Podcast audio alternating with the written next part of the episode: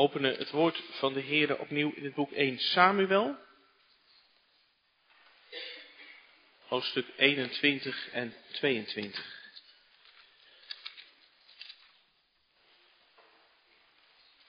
...1 Samuel 21, vers 1 en we lezen tot hoofdstuk 22, vers 5. Toen kwam David in Nob bij de priester Achimelech. En Achimelech kwam David bevend tegemoet en zei tegen hem, waarom bent u alleen en is er niemand bij u? En David zei tegen de priester Achimelech, de koning heeft mij iets bevolen en zei tegen mij, laat niemand iets weten van de zaak waarvoor ik u uitzend en die ik u opgedragen heb. Die jongens heb ik laten weten dat ze naar een bepaalde plaats moeten gaan. En nu, wat hebt u voor handen? Geef mij vijf broden mee in mijn hand, of wat er maar te vinden is. De priester antwoordde David en zei, er is geen gewoon brood voor handen, maar er is wel heilig brood, als de jongens zich maar van de vrouwen onthouden hebben. David antwoordde de priester en zei tegen hem, jazeker, vrouwen zijn ons gisteren en ingisteren onthouden.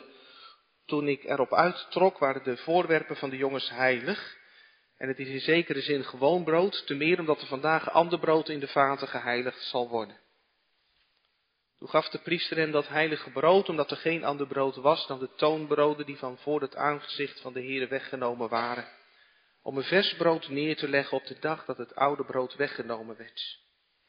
Op die dag nu had iemand van de dienaren van Sal zich daar voor het aangezicht van de Heere afgezonderd. Zijn naam was Doeg, een Edomiet, de machtigste van de herders die Sal had. En David zei tegen Achimelech, hebt u hier geen speer of zwaard voorhanden? Ik heb namelijk mijn zwaard niet mee kunnen nemen, evenmin als mijn andere wapens, want de zaak van de koning had haast. Toen zei de priester het zwaard van Goliath, de Filistijn die door u verslagen is in het eikendal, zie, dat ligt hier in een kleed gewikkeld achter de eveld. Als u dat mee wilt nemen, neem het dan mee, want er is hier geen ander dan dat. David zei, zoals dat is er geen tweede, geef het mij. David stond op en vluchtte op die dag voor Saul. En hij kwam bij Agis, de koning van Gad. Maar de dienaren van Agis zeiden tegen hem, is dit niet David, de koning van het land? Zong men van hem niet in beurtzang bij de rijdansen? Saul heeft zijn duizenden verslagen, maar David zijn tienduizenden. David nam deze woorden ter harte en werd zeer bevreesd voor Agis, de koning van Gad. Daarom vertrok hij zijn gezicht voor hun ogen en gedroeg hij zich in hun handen als een waanzinnige. Hij krabbelde aan de deuren van de poort en liet zijn speeksel in zijn baard lopen. Toen zei Agis tegen zijn dienaren, zie, u ziet dat de man krankzinnig is. Waarom hebt u hem bij mij gebracht? Heb ik gebrek aan krankzinnigen dat u deze man gebracht hebt om zich bij mij zo krankzinnig te gedragen? Moet deze in mijn huis komen? Toen ging David daar vandaan en hij ontkwam naar de grot van Adullam. Zijn broers en het hele huis van zijn vader hoorden dit en zij kwamen daar bij hem. Ook voegde ieder zich bij hem die in nood verkeerde, ieder die een schuldeiser had en ieder die verbitterd van gemoed was. En hij werd hun leider, zodat er ongeveer 400 mannen bij hem waren. David ging vandaar naar Mispe in Moab. En hij zei tegen de koning van Moab, laat mijn vader en mijn moeder toch naar u uitwijken, totdat ik weet wat God met mij doen zal. Toen bracht hij hen bij de koning van Moab en ze bleven bij hem al de dagen dat David in de vesting was. De profeet Gad zei echter tegen David, blijf niet in de vesting, maar ga daar vandaan en ga naar het land Juda. Toen ging David weg en hij kwam in het woud Geret. Dat is het woord van de Heer voor deze morgen. We willen gaan horen naar de verkondiging vanuit dit gedeelte kerntekst, de slotwoorden van hoofdstuk 22, vers 3, waar David zegt, totdat ik weet wat God met mij doen zal. Jongens en meisjes, ik weet niet of je af en toe een beetje uh, het nieuws volgt. Misschien wel, maar je weet vast wel dat er op dit moment heel veel mensen uit Oekraïne op de vlucht zijn, ook in Nederland. En die mensen die vertellen wel eens, ja, wat ze hebben meegemaakt. En dat is heel aangrijpend, vind ik, als je zulke soort verhalen hoort, mensen die vertellen dat ze wakker werden van het geluid van sirenes of van bommen die ergens insloegen of van geschiet. En mensen die dan ja, heel gehaast op zoek gaan, waar ligt mijn paspoort? En dan met een paar tassen, zoveel als ze kunnen dragen, gaan rennen op zoek naar een veilige plek. Of mensen die op een propvol station staan te wachten op een trein, twee dagen lang. Vrouwen die moeten kiezen, wat zal ik doen? Blijf ik bij mijn man? Of ga ik mijn kinderen proberen in veiligheid te brengen? Afscheid nemen van je man die het land moet blijven verdedigen? Zien we elkaar ooit nog terug? Vroeger droomde je over een eigen huis bouwen of een reis naar Egypte en nu gaat het alleen nog maar over de vraag, zullen wij overleven, hartverscheurend. Vanmorgen lezen we uit de Bijbel over een vluchteling. En je weet dan wel wie ik bedoel. David. Maar als we over David lezen, dan gaat het niet alleen over David. Want je zou de vraag kunnen stellen, waarom staat dit eigenlijk allemaal in de Bijbel? Al die hoofdstukken vanaf hoofdstukken 18 ongeveer tot aan het einde van het boek 1 Samuel, die gaan over Saul die achter David aan zit en David die op de vlucht is. En weet je, het is heel opvallend dat in de psalmen er vier psalmen zijn die in de aanhef verwijzen naar deze hoofdstukken uit 1 Samuel. Psalm 34. Daar staat boven, toen David zich als krankzinnige gedroeg, daar gaat het hier over, hè? Bij koning Agis in Gat. En Psalm 56, daar staat boven dat David die maakte toen de Filistijnen hem gegrepen hadden in Gat. En boven Psalm 57, daar staat toen David voor Sal vluchtte in de grot. Nee, daar hebben we ook over gelezen. En Psalm 142, een onderwijzing van David de gebed toen hij in de grot was. En je zou trouwens ook nog kunnen denken aan Psalm 52, waar het gaat over, uh, over Doeg. Die bruut. Die die priesters uitmoordt. Kom er straks even op terug. Dan zijn het er zelfs vijf. Vijf psalmen die in de aanhef verwijzen naar die periode dat David vluchteling is. Psalmen zijn liederen voor de liturgie, voor de tempeldienst. De gemeente die psalmen zingt, die herkent zich blijkbaar in die opgejaagde, opgedreven David. Die een omweg moet gaan in zijn leven. Zo mogen we ook vanmorgen gaan horen naar het woord vanuit 1 Samuel 21 en 22. Thema voor de preek.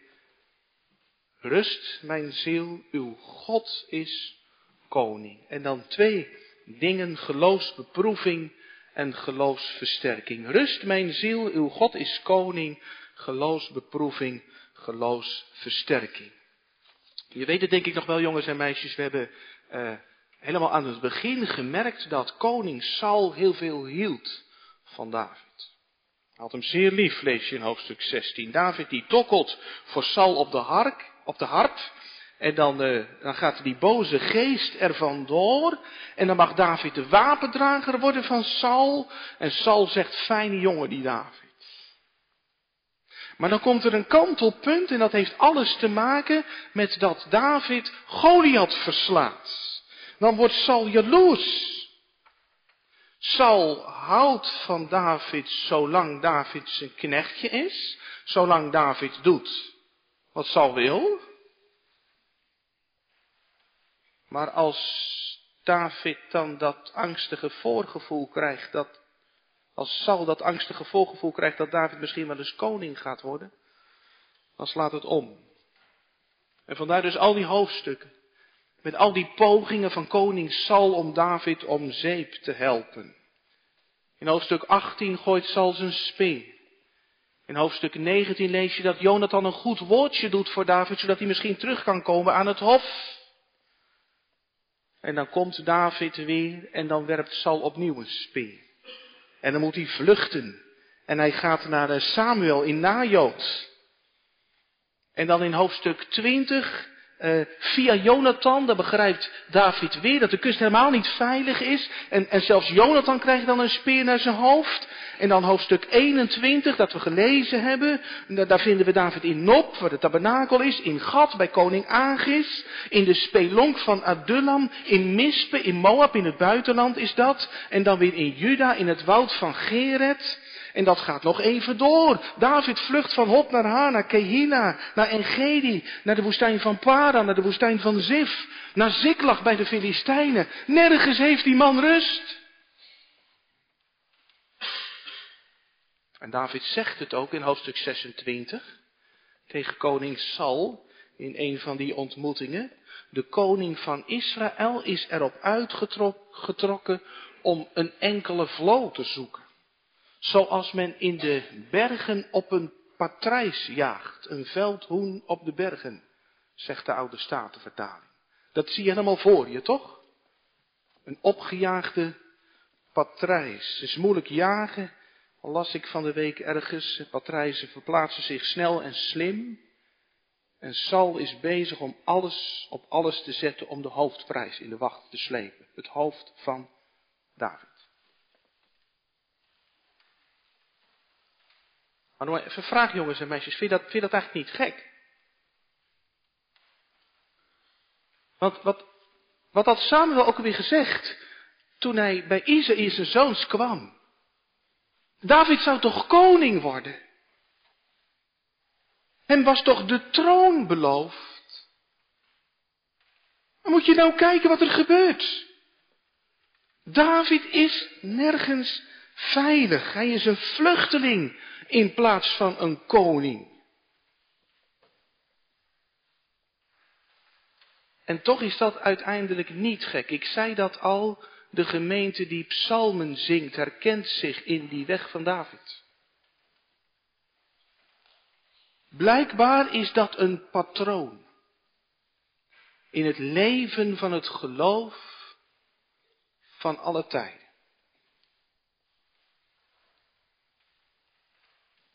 Misschien kun je, als je in groep 2 zit, al een klein beetje schrijven.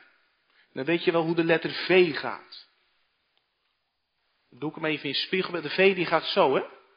Zo, dan begin je bovenaan en dan ga je naar beneden. En dan ga je weer omhoog. Dat is de V, toch?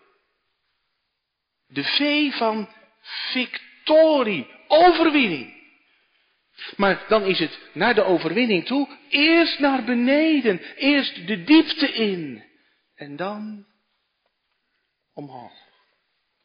En, en, dat is eigenlijk heel vaak de beweging in de Bijbel. Door lijden tot heerlijkheid. Denk aan Abraham. De God had gezegd dat hij tot een groot volk zou worden en dat hij een land zou krijgen.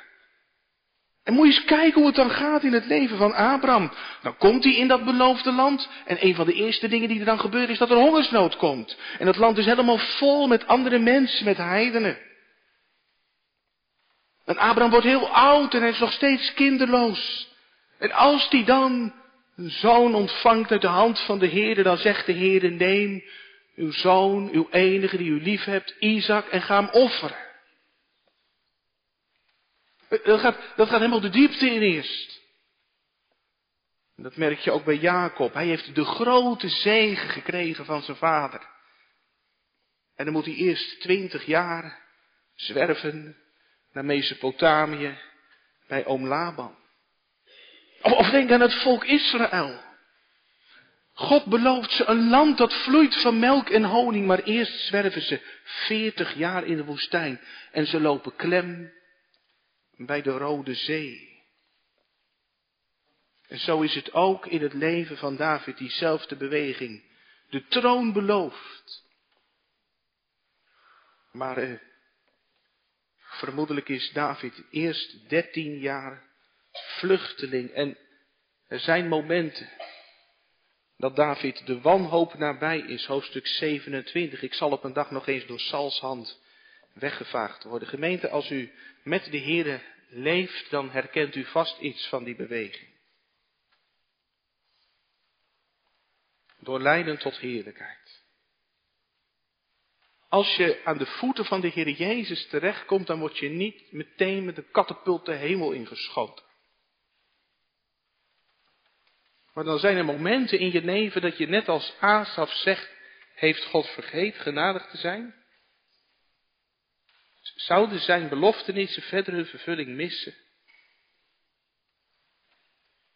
Zie je niks meer van. Of als je net de Heer Jezus bent gaan volgen, kijk er niet van op. Als je daar iets van gaat ontdekken in je leven door lijden tot heerlijkheid, dat was ook de weg van de heiland zelf. Via de kruis naar de kroon. Waarom doet God dat?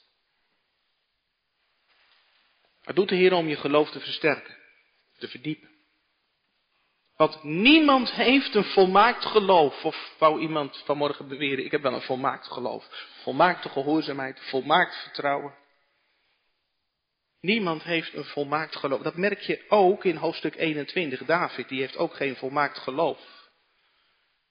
Hij gaat naar Nop om de Heere raad te plegen. En de priester Achimelech die vraagt, ben je alleen? Gek? En David zegt, ja, ik ben bezig met een geheime missie. Ik kan er verder niets over zeggen. Een noodleugen. En er komt ook geen woord van de Heer. David heeft niet een volmaakt geloof, net zoals u en ik zo heel makkelijk in de verleiding komen om onszelf eruit te kletsen. Soms zelfs tot op je sterfbed toe. Zo slecht ben ik niet, het kan nog veel erger. En ik heb toch altijd mijn best gedaan. In plaats van dat je bedelaar wordt en zegt, oh God, wees mij zondaar genadig. Of je denkt dat je God tevreden kunt houden als je af en toe een keer serieus bent. In plaats van dat je God lief hebt. Zoals Hij het waard is. Met heel je hart, met heel je ziel, met heel je verstand en met al je kracht. En God doet het niet voor minder. En als je toch minder geeft, dan ervaar je pijn in je hart. David heeft geen volmaakt geloof, de noodleugen. Maar kijk ook eens, als hij naar Gat gaat, de Filistijnen. Gat, dat is de stad waar eh, Goliath vandaan kwam. Je moet maar durven, als David. Maar blijkbaar heeft David gedacht, nou misschien willen ze me wel helpen daarin, Gat, omdat ik bij Sal in ongenade ben gevallen. Hij loopt dus eigenlijk over naar de vijand, maar dat is een misrekening van David. Want de knechten van de koning daar in Gat, die waarschuwen hun heren. Ze zeggen, weet u wel wie dat is? Dat is die man over wie ze zongen. Sal heeft zijn duizenden verslagen, maar David zijn tienduizenden.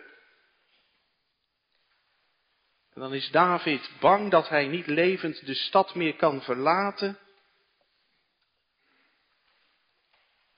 God laat hem voelen dit is niet de oplossing, David. Dit is niet de plek waar je moet zijn. Geen volkomen geloof zoals wij ook. Soms zomaar de toevlucht kunnen zoeken bij de vijand. Als je de zonde, de wereld omarmt en je genot en je geluk niet zoekt bij de Heere alleen, maar hier en daar en overal en David ontkomt met de nauwe nood. Hij, hij, hij, hij doet alsof hij toneelspeler is. Alsof hij krankzinnig is. In de oudheid werd gedacht, krankzinnigen die staan onder de speciale bescherming van de goden. En daarom laat eh, de koning van Gad David maar gaan. Ik heb krankzinnigen genoeg hier binnen de stadsmuur. Gelukkig ontkomt hij. Maar hoeveel zitten zo vast in de armen van de vijand waar ze zich vrijwillig hebben ingestort in de dingen van de wereld dat ze er niet meer los van komen. Dit is niet waar je moet zijn, David. En dan vlucht hij naar Abdullam. Daar is hij niet al te lang. En dan in Mispe, in Moab. Waar Rut zijn uh, voorouder vandaan kwam. En dan merk je ineens dat er iets verandert in het leven van David. Daar is hij als het ware in afwachting, totdat ik weet wat God met mij doen zal. En in die houding hoort hij het woord van de Heere via de profeet Gad. David, je moet niet hier zijn in Moab, op een afgelegen plek waar je rustig kunt leven, maar in Juda, waar je in vervolging en in gevaar zult zijn, maar waar je kunt leren leven door het geloof. Waar je gevormd kunt worden voor je bestemming. David, jij mag ook niet vervreemden van het volk Israël. Terug naar het beloofde land. Hoe moeilijk het daar ook voor hem zal zijn. Daar is zijn plaats. Daar wil de Heere hem zegenen. Ziet u dan de lijn een beetje lopen, gemeente? David wordt getraind. Voorbereid op de taak die op hem wacht. Het geloof moet fit blijven en daarom traint de Heer het geloof. En daar gebruikt de Heer ook wel de moeite voor. Misschien ken je dat verhaal, jongens en meisjes, van uh, dat meisje en haar vader was herder. En uh, toen zag ze op een dag haar vader thuiskomen en haar vader droeg uh, een, een heel jong klein lammetje in zijn armen. En dat meisje zag, hé, hey, dat pootje van dat lam, dat is gespalkt, daar zit een verbandje omheen. Is blijkbaar gebroken. En dat meisje vroeg aan haar vader, papa, is dat beestje misschien in een kuil gevallen? Of, want ja, ze wist dat het ook wel eens anders was. En ja, dat was ook bij dit lam zo. Er was wel eens een weglopertje een lam dat niet bij de kudde bleef. En als een lam niet bij de kudde is, maar op zichzelf staat, dan kan het zomaar worden aangevallen door een wild dier. Want die willen graag dieren die apart staan. En dan deed die herder dat wel eens. Dan brak hij zelf het pootje van dat lam. Dan kon het niet meer weglopen. Dan moest het wel dicht bij de herder blijven. Dan droeg die herder het in zijn armen. En dat lijkt natuurlijk wreed, hè? Een herder die het pootje van een lammetje breekt. Maar anders was dat lam al dood geweest. Denk daar maar eens aan. Als je leven een bocht maakt. Als er beproeving en teleurstelling komt. Of herkent u dat niet? Die beweging van dat weglopertje. Ik wel. Ik wel. Ik wil van die problemen in mijn leven af en ik zoek de rust in Moab. Paulus wilde van die doorn in zijn vlees af. Maar God zegt, nee, die mag je houden, want mijn kracht wordt in zwakheid volbracht. Leer maar leunen op mij. En daarom zijn er die beproevingen, die ziekte die je leven op zijn kop zet.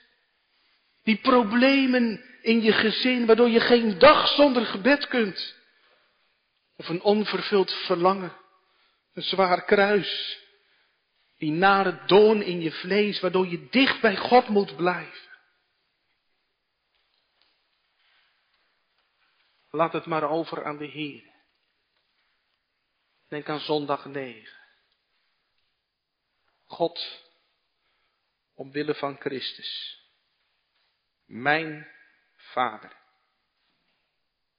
op wie ik zo vertrouw dat ik niet twijfel of Hij zal mij met alle nooddruf van lichaam en ziel verzorgen. Omdat hij volkomen wijs is en precies weet wat ik nodig heb. En gelukkig laat God David niet aan zijn lot over. Want wat wil de Heere bewerken? Nou, dat David opnieuw weet. Rust, mijn ziel, uw God is koning, hoe het ook gaat. Want dat is een van de gouden draden in het boek 1 Samuel. Dat God koning is. Dat God erboven staat, hoe het ook gaat. En dat God zelfs het kwaad laat meewerken ten goede voor hen die hem lief hebben. En ook deze hoofdstukken onderstrepen dat. En dan kijken we even naar het begin en het einde van hoofdstuk 21 en 22. Daar gaat het over uh, Nop. En over Doeg. hebben dat niet gelezen. Misschien dat u vandaag ruimte hebt om dat eh, voor uzelf thuis te lezen, het vervolg van hoofdstuk 22. Dan zie je op de voorgrond een wanhoopsdaad van Saul. In 6 zie je hem zitten met zijn speer. Zo zien we Saul vaker met zijn speer. Hij is met geweld. Zo doet hij dat. Maar hij is super achterdochtig. En hij zegt tegen zijn knechten, het samenzwering. En Doeg, waar uh, kwamen we hem ook weer tegen? Oh ja, in vers 7 eh, van hoofdstuk 21. Zomaar even in de tussenzin, in dat vers. Doeg is in het heiligdom als David daar brood en een zwaard ontvangt. En hij verklikt die Doeg wat hij heeft gezien in Nop. En dan zijn de rapen gaar en zonder dat Saul ook maar navraag doet of een onderzoek instelt, uit dorst naar wraak en bloed laat hij 85 mannen uit het priestergeslacht over de kling jagen. En de stad Nop wordt uitgemoord. Die Sal die lijkt wel paranoia. Ontiegelijk wreed. En tegelijk, tegelijk, zonder dat dat afdoet aan de schuld van Saul. Tegelijk. Het is, uh, het is ook op de achtergrond God die zo de straf uitvoert op Eli's nageslacht. Belangrijk, hè? zeker als je 1 Samuel leest, dat je ook, ja, dat leest in heel zijn verband. Als je teruggaat naar hoofdstuk 2, dan kom je dat tegen. Anonieme man van God die bij Eli komt. En die tegen Eli zegt, wie mij eren, zal ik eren. Maar wie mij verachten, zullen zelf veracht worden. Zie de dagen komen dat ik uw arm zal afhakken en de arm van uw familie, zodat er geen oud man in uw huis zal zijn. Er zal geen oude man in uw huis zijn alle dagen en het merendeel van uw huis zal sterven als mannen in de kracht van hun leven. Dat ze er een potje van maken. Eli en zijn zonen. Als egoïsten bezig in de dienst van de Heer. En dan merk je hier dat God uitvoert wat hij dreigt. Je ziet het er niet aan af, want je ziet alleen maar die vrede Salmer op de achtergrond. God is koning. Hij vervult zelfs in de donkerste tijd en bij de grootste misdaden van Saul zijn woord aan Israël. Rust mijn ziel, uw God is koning. Ja, ook in het oordeel en in de crisis. Soms, soms wordt onze tijd ook gezien als een donkere tijd. Maar, maar kijk dan ook met de bril van het woord en de dingen die gebeuren. Als de Heere zegt dat in het laatste van de dagen de mensen liefhebbers zullen zijn van zichzelf. Dat is toch met handen te tasten. Wij worden opgevoed om individualisten te zijn. Om alleen maar te denken aan ik. We waren aan het luisteren naar het zevende gebod de laatste tijd. En we hoorden uit Romeinen 1 over mensen die de waarheid in ongerechtigheid onderdrukken. En God die mensen overgeeft aan oneervolle hartstochten. Dat God zegt, als je dan pertinent niet wilt, doe dan maar als de beest en leef bij je instinct en ga je gang.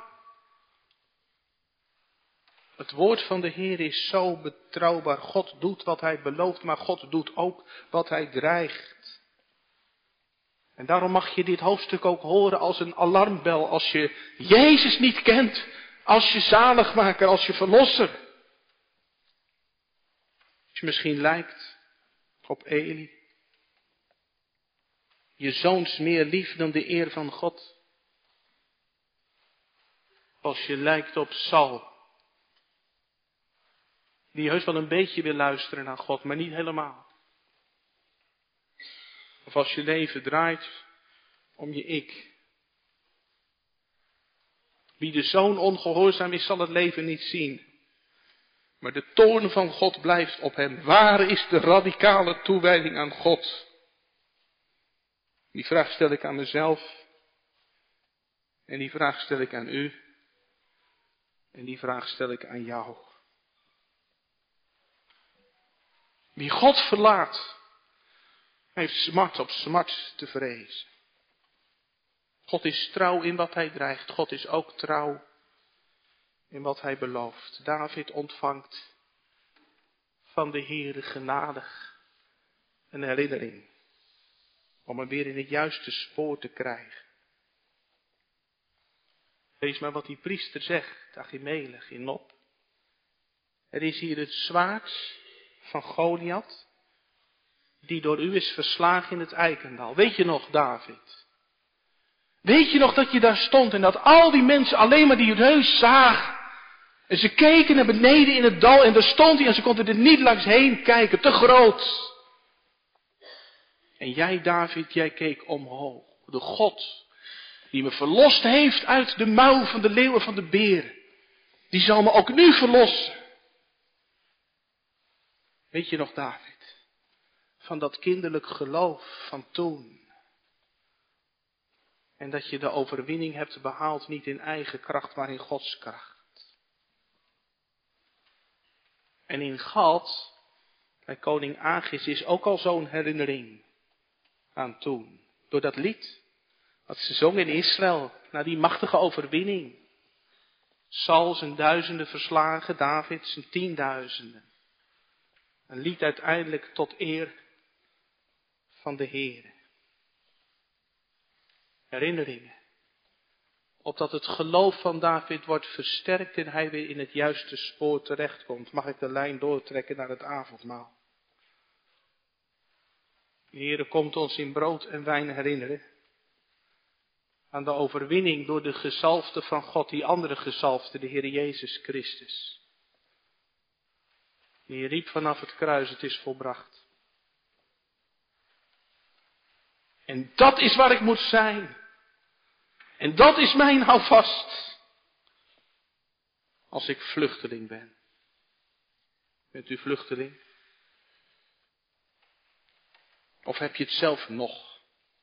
Het formulier zegt, je reinigmaking en zaligheid buiten jezelf in Christus zoeken, omdat hier alleen maar de dood is. Dan word je misschien eh, opgejaagd door de Satan die je aanvecht. Dat je in zonde viel, overgelopen bent naar de vijand. En God wil je komen verzekeren. Dat is een onverdiende, hartelijke liefde en trouw. Er wordt misschien crisis in je leven. Dan bidden we met de woorden uit het avondmaalsformulier om Gods genade. Dat we getroost ons kruis op ons nemen. Troost, dat is iets wat tegen al het andere opweegt. Troost, denk dan maar gewoon weer aan zondag 1. Dat ik in de stormen van het bestaan toch weet ik ben van Jezus. Met lichaam en ziel. Die voor al mijn zonden volkomen heeft betaald. Hij die zelf vluchteling wilde worden om u eeuwig thuis te brengen. Hij doet ons zingen in de nacht van strijd en zorgen. Uw goedheid straalt hun toe. Uw macht ondersteunt hen in het lijden komt ons herinneren aan alle beloften van God die in Christus Jezus ja en amen zijn. Dat het bloed van het lam reinigt van alle zonden. Dat ik al mijn bekommernis op Hem mag werpen omdat Hij voor me zorgt. En dat de Satan heus rondgaat als een brullende leeuw, maar dat de poorten van de hel de gemeente van God niet zullen overweldigen. Is dat voor mij? Misschien zit u daarmee. Mijn geloof is zo klein.